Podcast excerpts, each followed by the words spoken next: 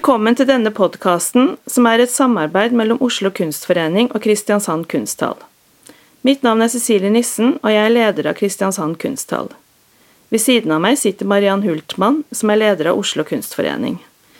Med oss i studio så har vi den tysk-danske kunstneren Ursula Reuter Christiansen og Torbjørn Reuter Christiansen. Vi skal snakke med Ursula om hennes utstilling 'Jeg er mine bilder, mine bilder er meg'. Denne utstillingen ble planlagt for nøyaktig to år siden, da Mariann Hultmann og jeg i 2019 besøkte Museum de Bildende Kunste i Leipzig og så utstillingen Ursula hadde der. Før det hadde Torbjørn Reuter Christiansen, som er kunstner og Ursulas yngste sønn, gjort Mariann oppmerksom på morens kunstnerskap, og vi begynte å diskutere at det kunne være interessant å presentere henne for et norsk publikum, da det har vært mye oppmerksomhet rundt kunstnerskapet hennes den siste tiden. Ursula har stilt ut en gang tidligere i Norge, på Molde kunstsenter i 1983, og nå mente vi at tiden var inne for å presentere henne i en større mønstring. De to utstillingene som skal vises, her i Kristiansand og i Oslo, er utviklet i nær samarbeid med Torbjørn, som under de årene han har bodd i Norge, har jobbet både i Kristiansand kunsthall og Oslo kunstforening. Så lurer jeg på, eh, eller jeg tenker som så, at eh, man skulle kunne si, Ursula, som i utstillingens titel, at den utgår fra deg selv og ditt eget ståsted som kvinne, kunstner, mor, kone, elskerinne, tysk-dansk osv.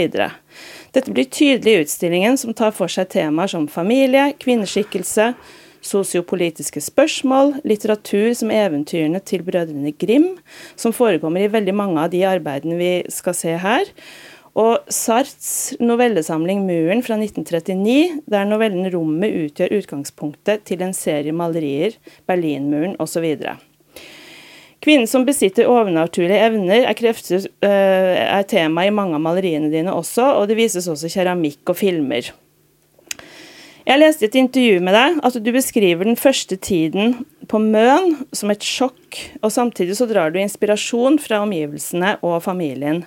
Kan ikke du si litt om, om dette? Om sjokket?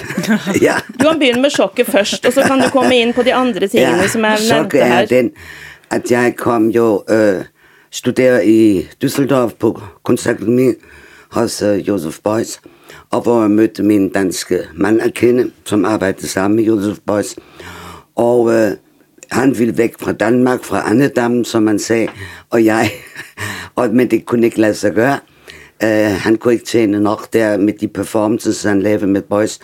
Og jeg ville væk fra Tyskland, fordi jeg uh, var træt af hele det tyske kollektive arv og skyld og så videre.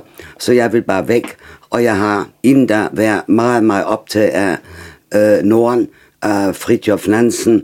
Altså det er på en måde altid min store øh, novalis, og det er altid i, i disse digter, i den romantikken, der går det, rejsen går indad, men indad, det er også mod nord, altid ind i lyset.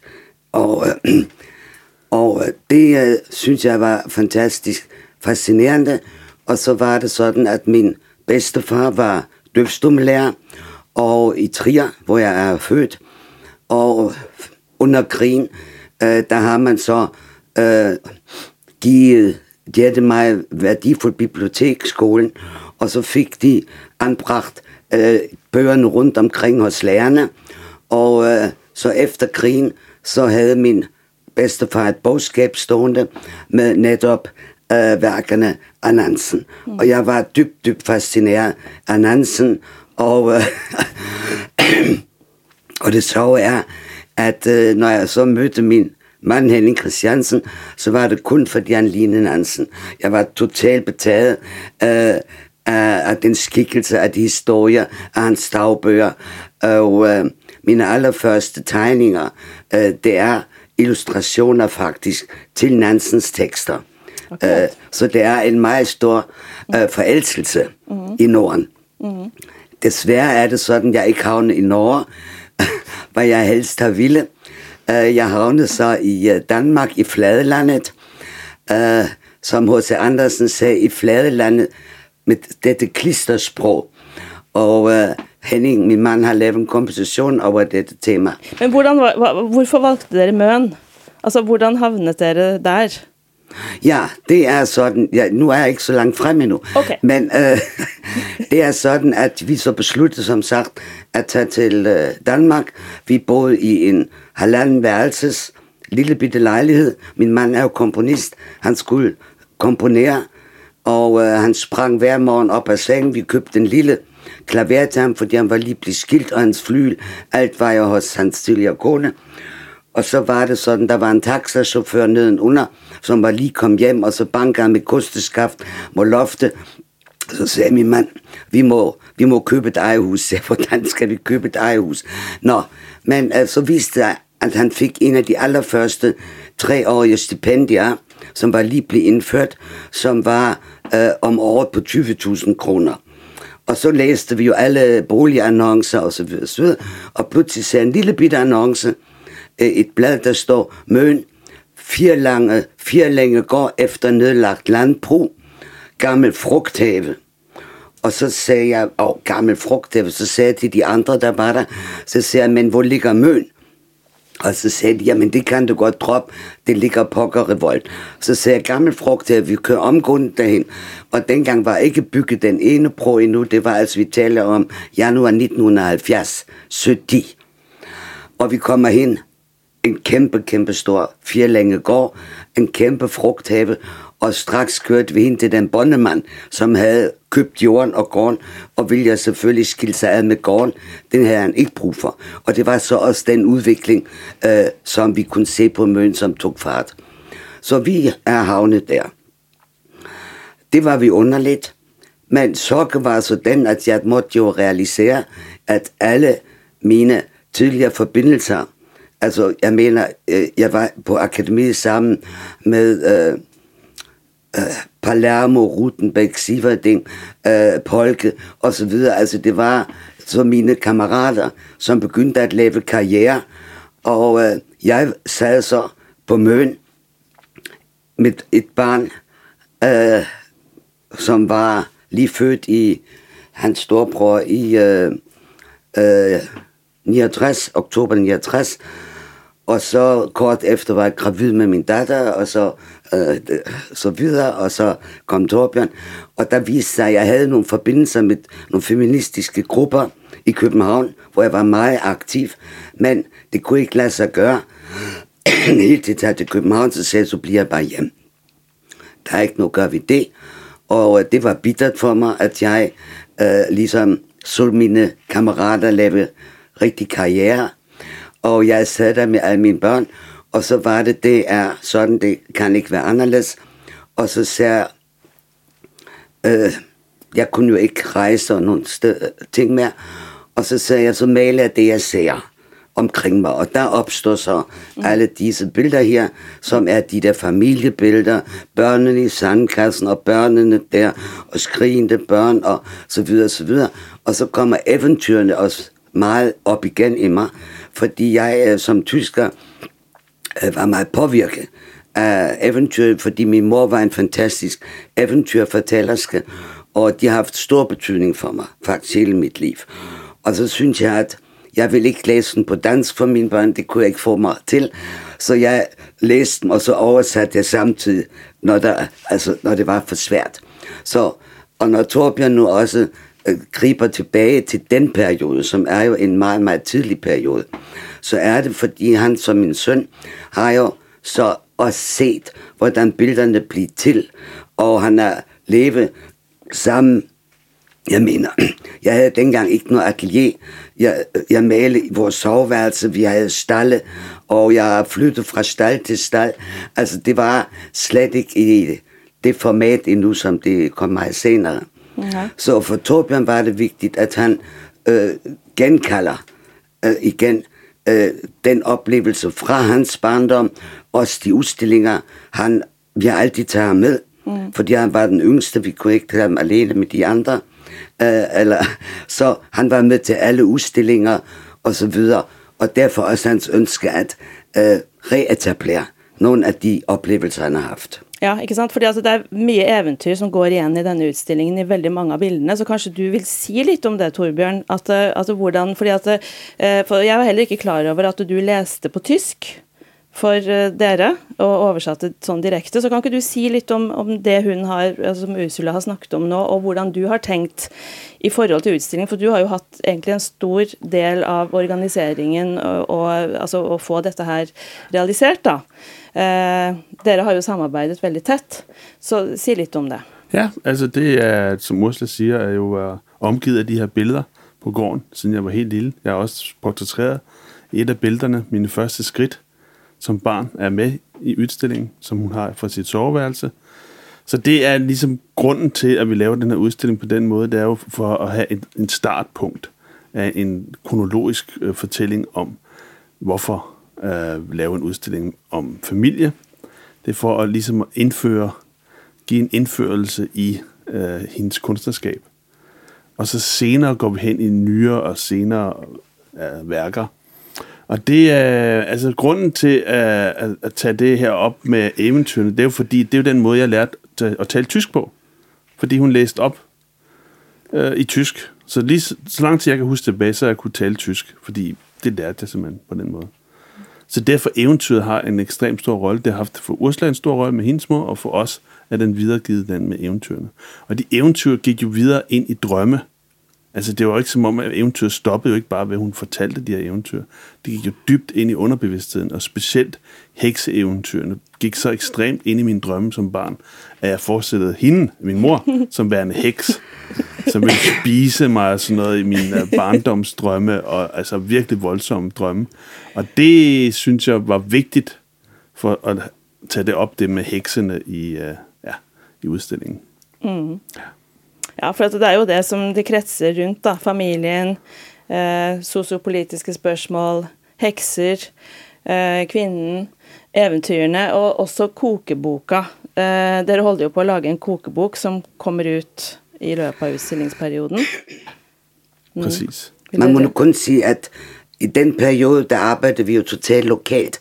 Det vil sige, vi arbejdede øh, frem for alt øh, øh, politisk, og øh, fordi vi var imod EU dengang, og vi, jeg meldte mig ind med min mand i DKP i for nogle år, fordi vi ville ikke ind i EU, og så det som stor kapitalistisk foranstaltning. DKP, det kommunistiske ja. parti? Ja. Ja, ja.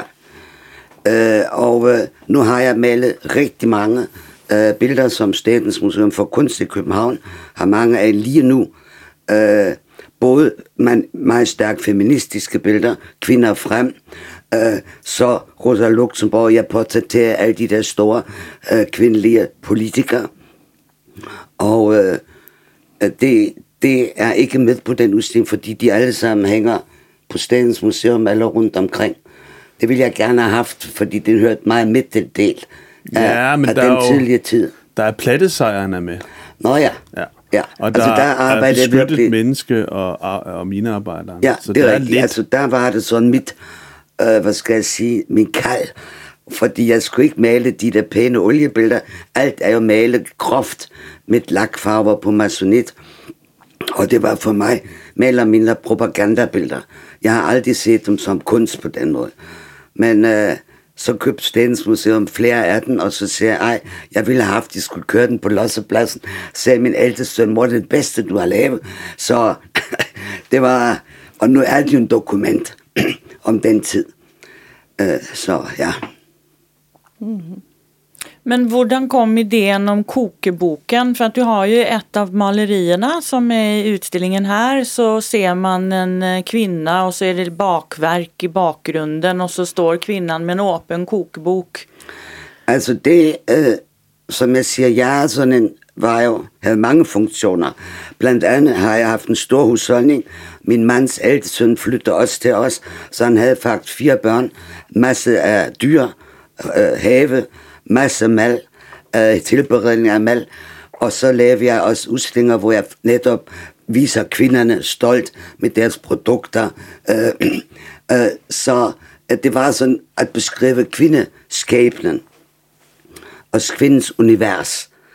Øh, og så med kokbogen, det er sådan set øh, Rachel, øh, Torbjørns øh, kone, øh, som fik den idé at lave en katalog til jeres udstilling øh, i form af en cookbook.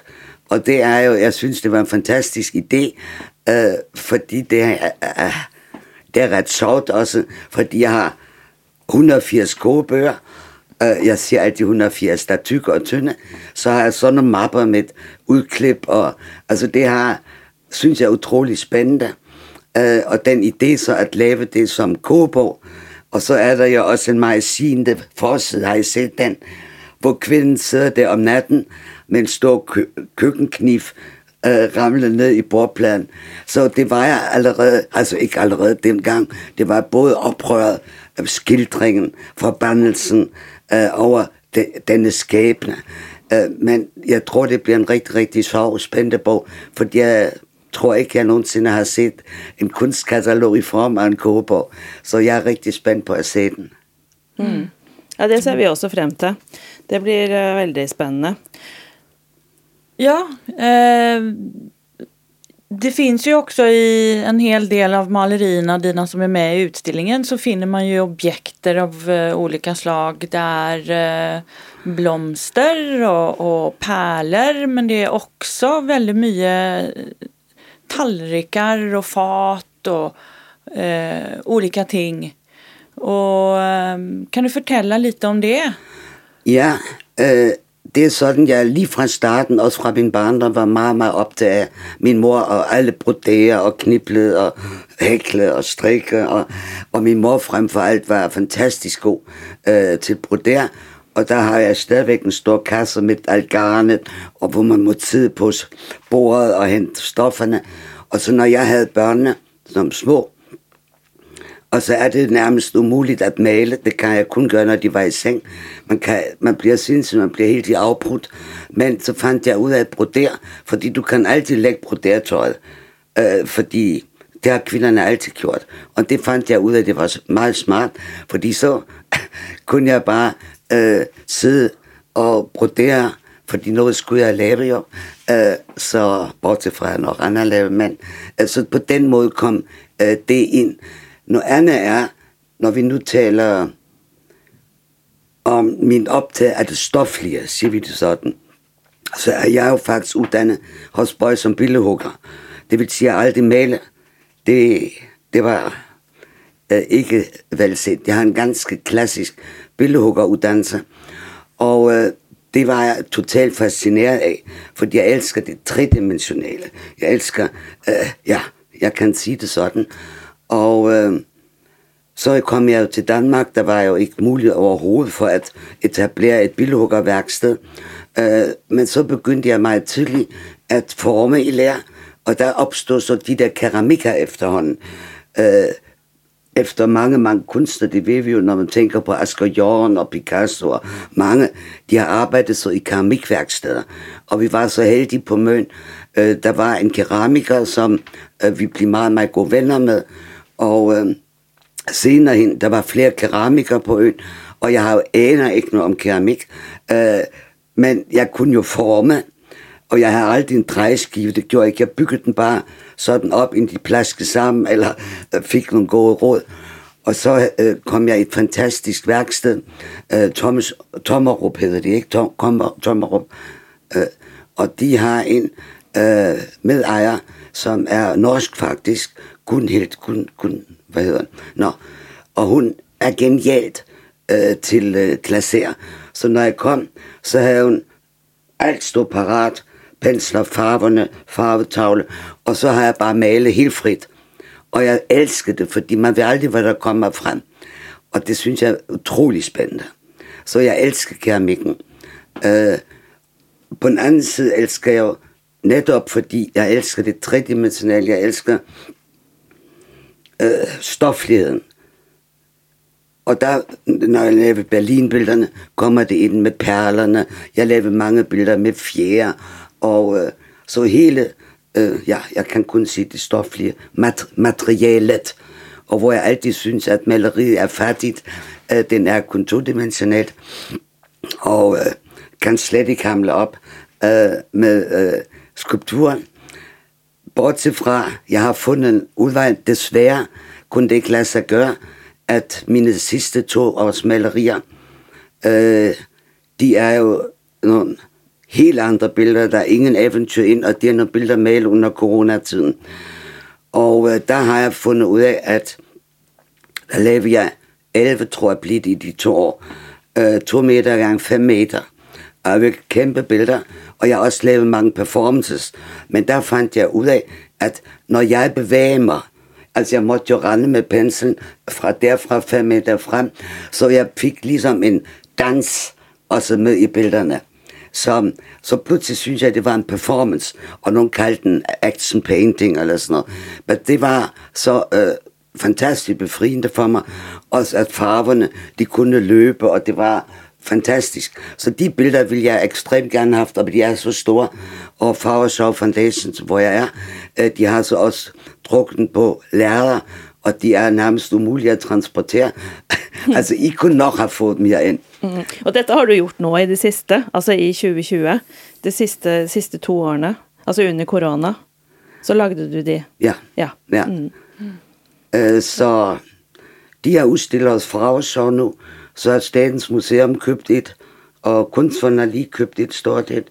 Uh, så det er virkelig nogle billeder, som jeg vil sige, uh, nu er det her en meget privat udstilling med vores private øh, til, øh, rum, oplevet og rum i det, du opvokser i. Men de nye er absolut super øh, øh, dystre billeder, alene gennem coronatiden. Øh, meget, meget depressive, og der er ingen eventyr mere. Det er mere totalt... øh, den, store, den bog, vi laver nu hos Fagsøj, det bliver sådan et kæmpe bog over 60 års malerier af mig. Tobi var vardenheds, when bats become, when, when puppies becomes to bats. Altså når valmur bliver til flagermuse. Altså lave mutationer. Altså det er nogle meget, meget øh, voldsomme billeder. Og netop mutationerne, som vi jo ved, at virusen muterer og så det bliver for mig så det mest spændende emne, øh, denne mutation. Så det er nogle helt andre billeder. Mm-hmm. Men øh, det må man så tage til København og se. Men nu är vi ju här i Norge. Ja, för, för jag tänkte på det att eh, om man nu är inne och snackar om eh, våld, våldliga bilder och så vidare. Så när Berlinmuren fallt till 1989 så har jag känt att då drog ni ned eh, väldigt fort. Och ur det så kom också en hel serie malerier ja, som heter Berlin Mauer. Vi var længe op tit i Berlin, fordi min mand havde fået et stort etårigt stipendie øh, fra øh, DR, hvad hedder den, DRD, øh, Deutsche Austauschbund. Mm, det er det. Ja, ja, ja, det det. Men så, det er et år. Men eftersom jeg havde tre børn, og de måtte i skole og så videre, så, så har vi splittet den op, hvor vi var et kvart år så tilbage, så er min datter og søn kommet med, og min datter gik så også i gymnasium, så var vi et halvt år der, og så kunne vi igen være kvart år der, og det var netop der, hvor vi var øh, november. Vi var lige rejst hjem. Øh, ja, ja, og så var det, vi hørte, at moren var faldet, og Torbjørn kom så med, og øh, de ham tog vi altid med. de andre var på gymnasium, og de klarede sig selv og med hjælp af sådan andre venner og sådan noget.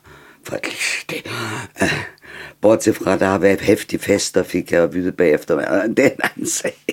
Nå, men i hvert fald var det sådan, at moren var faldet, og det var en fantastisk oplevelse. Tænkte jeg, jeg er vidne her til en historisk begivenhed. Og så tog vi i Bauhaus og øh, købte 10 masonitplader, og jeg købte fire farver, og ja, faktisk ikke ret meget mere. Og så fulgte jeg ligesom, og jeg ligesom, jeg, ligesom man tipper på en maskine, mange ting maler jeg, dubber jeg med mine fingre. Og så lavede jeg forskellige billeder.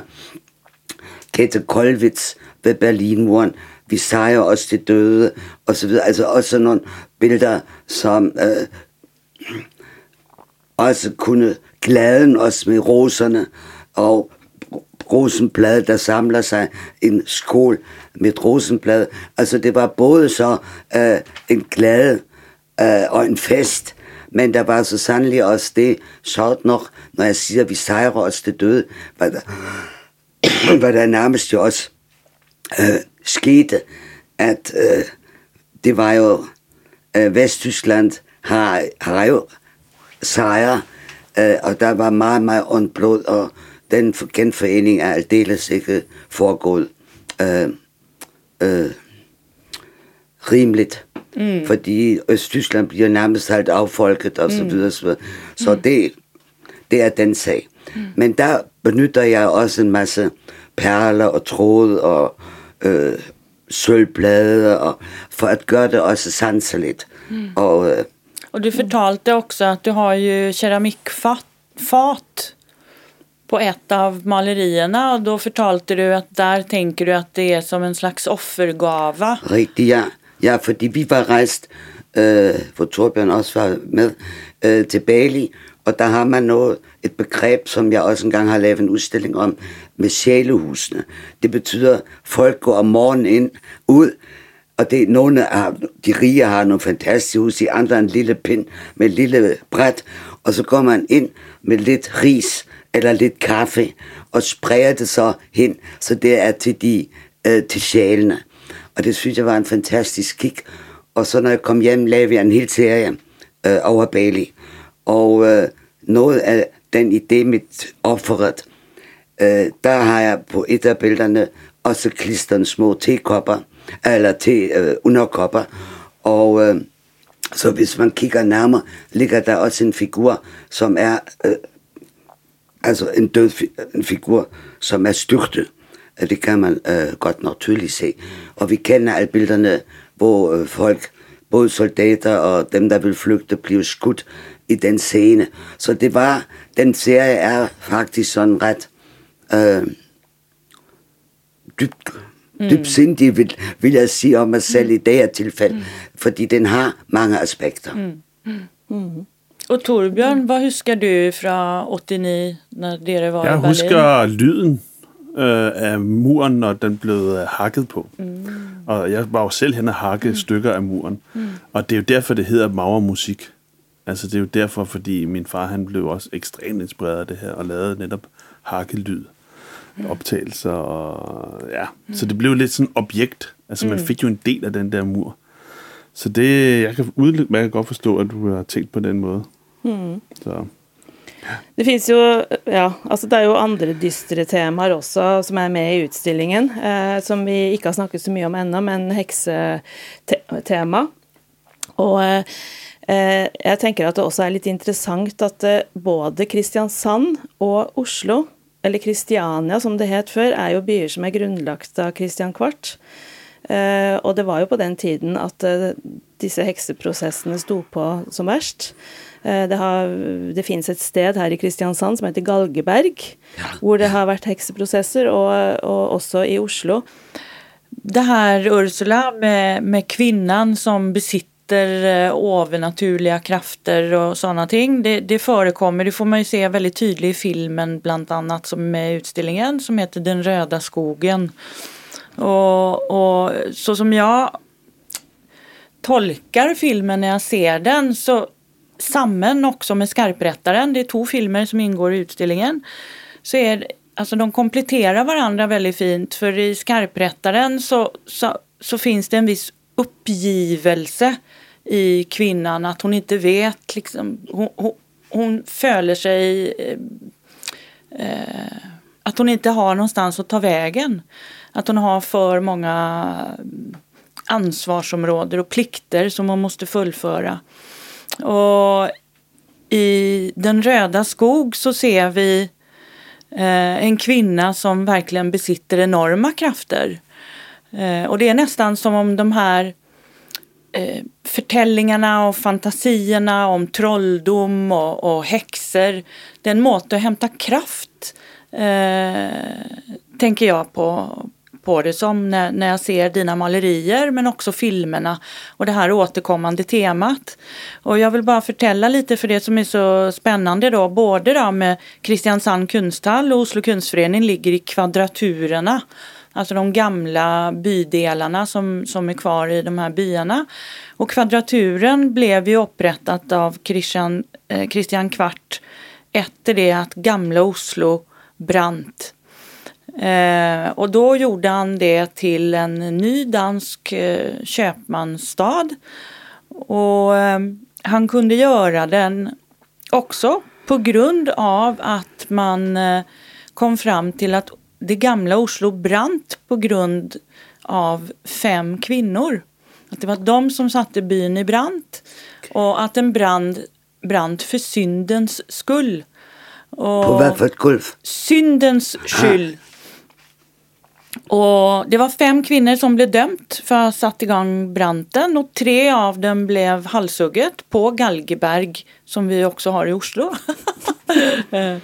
och, eh, och det är ju väldigt intressant det här då och också där Oslo kunstförening är så, så finns på Christiania torv eh, framför kunstföreningen så blev ju det också eh, det nya städet där man eh, halshögg folk och skarprättaren bodde eh, under en period eh, precis bredvid Rådmansgården där Oslo kunstförening är. Och, och till och med på Christiania torv så kan man alltså se också Christian Kvarts monogram i det gamla rådhuset. Så att det ligger liksom väldigt mycket historik och, och Christian den fjärde också, eller Christian Kvart, eh, upprättat ju också trolldomsreformen i 1617. Och det var ju genom trolldomsreformen som man kunde döma eh, folk för trolldom då. De flesta var kvinnor, äldre kvinnor, eh, väldigt många jordmödrar. Eh, men en tredjedel var också män som blev dömt.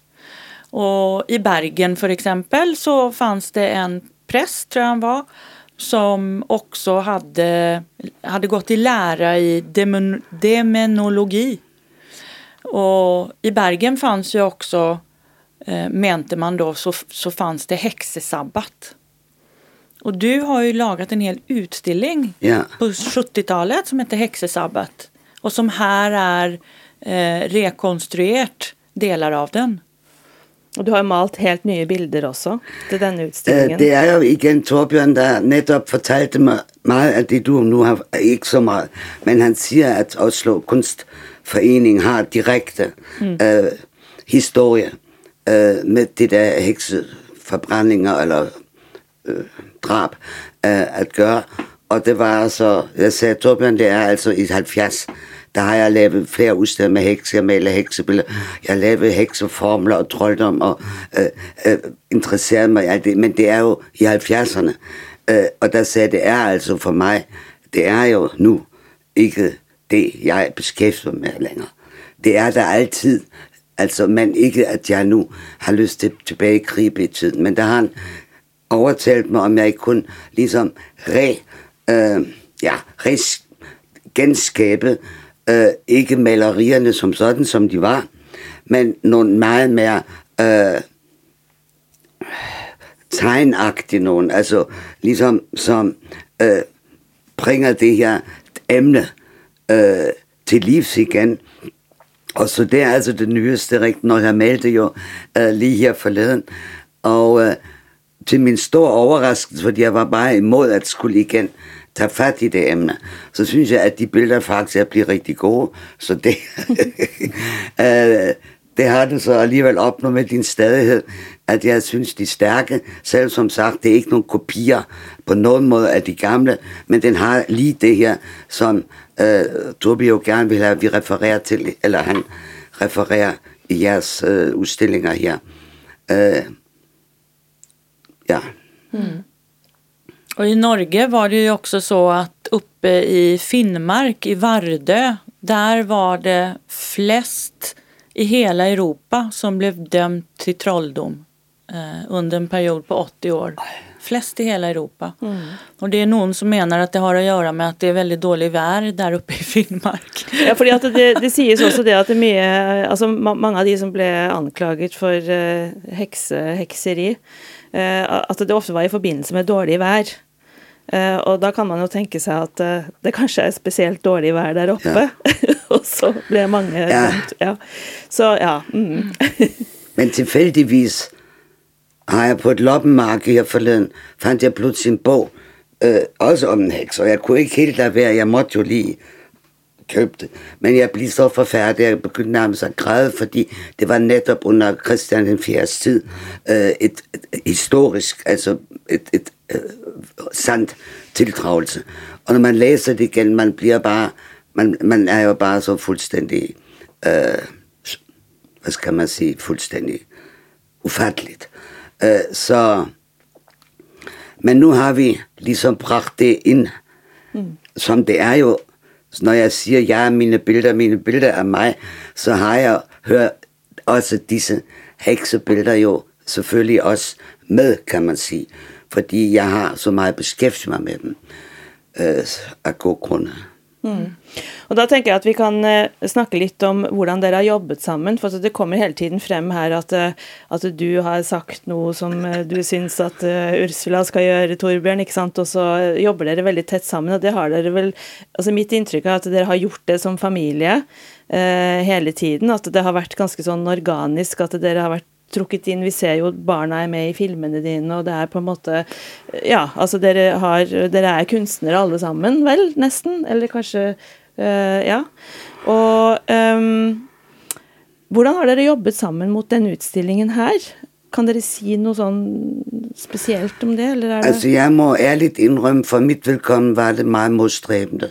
Fordi nettopp Torbjørn vil fokusere, øh, når jeg nu også ser alle 70'er-tingene, og jeg synes, jeg har bevæget mig alligevel, det er jo 50 år, nu er jeg malet, eller 60, øh, at det var for mig ligesom lige sådan helt tilbage igen i tiden.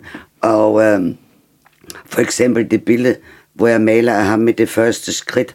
Det er et billede, jeg aldrig nogensinde har udstillet. Det hænger i mit soveværelse. Øh, mange af de ting, han har fundet, øh, dem vil jeg aldrig nogensinde have udstillet. Øh, så, men der har jeg så sagt, okay, men der var jeg ikke altid tilfreds med, og så valgte jeg til sidst at sige, når jeg okay, øh, du som søn, du har den her vinkel, og fortæller ud fra den vinkel. Og det synes jeg var så, øh, hvad skal jeg sige, et, øh, et indfaldsvinkel, en indfaldsvinkel, som er ret spe- specielt. Øh, det er ikke en kurator som kunsthistoriker, eller hvad jeg ellers er vant til, der laver udstillinger, eller mig selv. Øh, så, så det var også en meget stor trækkeri, må man sige. Men øh, jeg er da glad for, at den øh, står frem, fint frem. Øh, ja. Det, det jag tycker är lite intressant är ju också att det är ju hela utställningen har tillkommit på en väldigt organisk måte. Att Torbjörn först bodde i Kristiansand och, och jobbade på Kristiansand kunsthall och sen flyttade du till Oslo och då började du jobba på Oslo kunstförening. Och under en av eh, våra ofta eh, väldigt hyggliga luncher så tog du med eh, någon böcker eh, och, och så en av dem var katalogen från Venezia-biennalen där både du och Henning eh, var med. Eh, jag huskar inte vilket år det var ni var med. 2001, var det ikke det? Ja. 2001, ja. Och då började jag att, se i boken och blev helt eh, begeistrad och bara gud vad är detta? Och varför vet jag ingenting om, om de här konstnärskaperna och, och vem är Ursula Torbjörn? och så tog du med någon fler böcker. Och där och då så eh, blev det bestämt att eh, nu måste vi, vi må göra något med det och varför har Ursula inte blivit vist i Norge mer och, och så vidare. Och då tog jag ju också kontakt med, med Cecilie och, och så skönte vi att här har vi verkligen en utställning som är intressant för bägge platserna. Ja, for vi har jo også snakket om tidligere å gjøre noe sammen. At vi kunne samarbeide Ja, det om en utstilling i tidligere. ikke sant? Ja, Altså, vi har liksom ikke funnet noe som vi uh, tente på begge to, kanskje, eller som vi syntes hadde passet, eller Men da du kom og fortalte om dette her, så, så falt det litt på plass, det òg, da. Og særlig etter at vi var på den turen til Leipzig, hvor vi dro sammen for å se din Det havde jeg utstilling. helt glemt, men du havde fortalt mig det, at I var der. Så Men på den, så på den måten är ju det ett lika personligt möte och samtal som leder till utställningen. Precis som det är att Torbjörn växer upp då i, i eh, detta hemmet på Mön och att det är lite mer ditt perspektiv då. Eh, malerier som du tar som en selvfølge på en måte som bara finns där och som, och som har att göra med din privata Ja. eh, historia men som Torbjørn ser på en annan måte då. Det er præcis sådan, ja. Øh, og grund til, at vi har valgt så mange billeder og så mange værk, det er jo også fordi, at jeg under den her coronaepidemi, hvor der ikke har været nogen udstillinger, og folk har været veldig hungrende efter at se kunst igen, og den tradition, der var meget stærk før corona, var at have et stort udstillingssted med et lille bitte billede, en lille bitte objekt, og meget minimalistisk, og det er den, jeg er helt færdig med den stil. Ja. Helt færdig. Og det synes jeg er kjempespennende, fordi at den, altså den utstillingen som er her da, altså som, den, den kommer jo til å se annerledes ut i Oslo, det, det kan man jo si, fordi at det, det, lokalene her er jo helt annerledes enn det det er i Oslo. Men eh, her i Kristiansand kunsthall så pleier vi ikke å ha utstilling som ser sånn ut. Altså Det har vi snakket om nå. at det, her, Oi, nå er vi litt tilbake i tid. ikke sant? Altså her, eh, Jeg har sett bilder herfra fra 70- og 80-tallet. Da har vi utstillinger med masse bilder som ligner på dette her. Men det har vært en lang periode, som du sier, Torbjørn, at det har vært ganske sånn minimalistisk. Man jobber veldig med rommet, det skal avstemmes, man har ett bilde der, ett bilde der. Her er det bare full pakke. Og det er så deilig. Ja, Det er helt fantastisk. Ja, det, det holder jeg også meget af. Ja. Øh, Jeg har også sådan noget horror vakui. Når der hænger et billede der og det. Nej, det, det, det synes jeg er meget fint. At proppe så meget som muligt i udstillinger. Øh, Jeg er bare som sagt, øh, men det kan jeg ikke nytte noget at klage over det, eller blive ved med det, at hele de sidste, de sidste års produktion, som er en helt anden side af mig, øh, at det, den er der ikke. Og derfor sagde det også, det er en kæmpe overvægt af 70'er billeder. Altså hele den der øh, tidlige, tidlige øh, tid. Øh, det er også spændende at se. Altså der er nogen, der var gået i stykker, og, og du rendte rundt og fandt en skole til den ene. Det har aldrig været udstillet. Altså der er billeder, som jeg altså virkelig aldrig har udstillet, som bare stod på mit depot, eller også... Øh, Ja, men nu er de her, og jeg er meget glad for det, at få den der nærmest sådan gang gennem uh, en del af mit liv. Mm. Så tak for det, Torbjørn. Här är mitt liv. Velbekomme.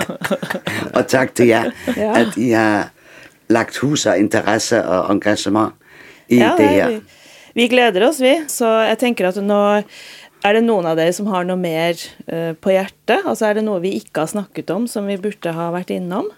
Får jag bara säga en Ja. sak? Det är ju att den här kokboken då som kommer ut under eh, hösten här eller under vintern.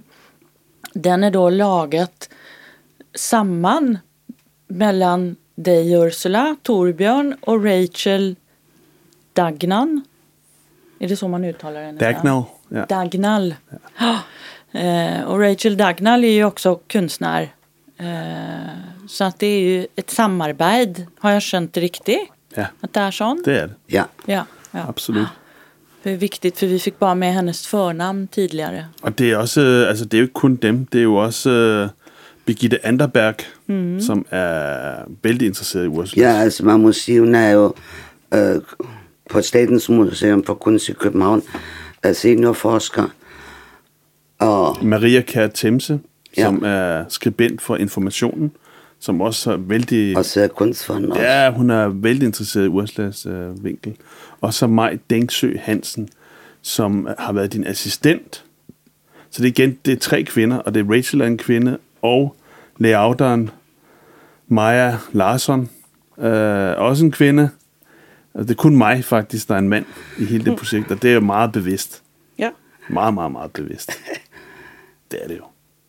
Ja, at der ikke er andre mænd involveret i det projekt. Altså, Vi er to kvinner her Og òg. I to kvinder der. Så det er, ja. Sådan er det. Ja. Nye, øh, det næste store øjeblik i historien tilhører os. Var det ikke det, du sagde? jo, Ja, och det läste jag att det var ett citat som du hade fått av en väldigt god väninna till dig. ja. Som eh, då var gift med er øh, Roth. Dorothy Janone. Øh, hun var, jeg er ikke gift, Øh, Øh, jeg tror ikke, det var gift, men i hvert fald kærester, som jeg lærte at kende i Düsseldorf. Og øh, vi blev meget, meget gode venner, og de besøgte os også. Og jeg besøgte dem i Berlin. Og øh, hun lavede en gang hos mig Mrs. Kennedys fishouder. Nå, og det er også øh, nogle af, af de der recepter, øh, dem har jeg så samlet i sådan en ringbind. Og nogle af dem har vi så brugt bare som øh, facsimile. Øh, mens andre, og det mest dem fra, som jeg siger, fra det borgerlige tyske køkken, som jeg lærte af min mor, bortset fra altså også influeret af fransk mad, eller nej, italiensk mere. Nå, men øh, hvad vil, vil jeg sige? Med Dorothy. Ja, med Dorothy. Og øh, mens jeg lavede skarpretteren, øh, så er det jo meget, meget sørgeligt. Øh, til sidst der hænger, her hænger mit hoved på husets port, bag hvilken bare jeg vil tjene mange, jeg vil være mange øjne øh, opoffrende i de andres tjeneste. Og så sendte Doris til mig et brev, hun sagde, hvor jeg klagede sig, eller jeg ved ikke mere rigtigt hvorfor, øh, eller hvad, hvad kontekst det var en. Og så siger hun så, øh, remember, the next great moment in history is ours. Og så var det, at Henning så lavede som sidste lyd en kilde, en ras, altså en dryppen fra en kilde, og så kommer den skrift. Og der må jeg sige, at den har så reddet hele filmen på den måde at forstå, at det ikke kun er den der sørgelige, opoffrende i, nu, vi kommer aldrig ud af den her rolle. Øh, det her, det er fastlåst, det er forudbestemt. Altså helt det der.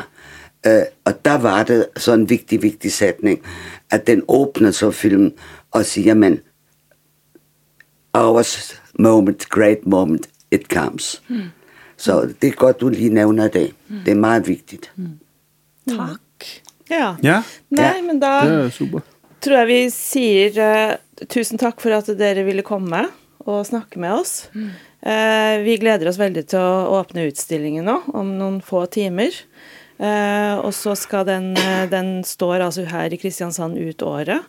Og så åpner den da 29. januar i Oslo Kunstforening. Så tusen takk. Tak. Tack Lige ska måde. ni ha. Måde.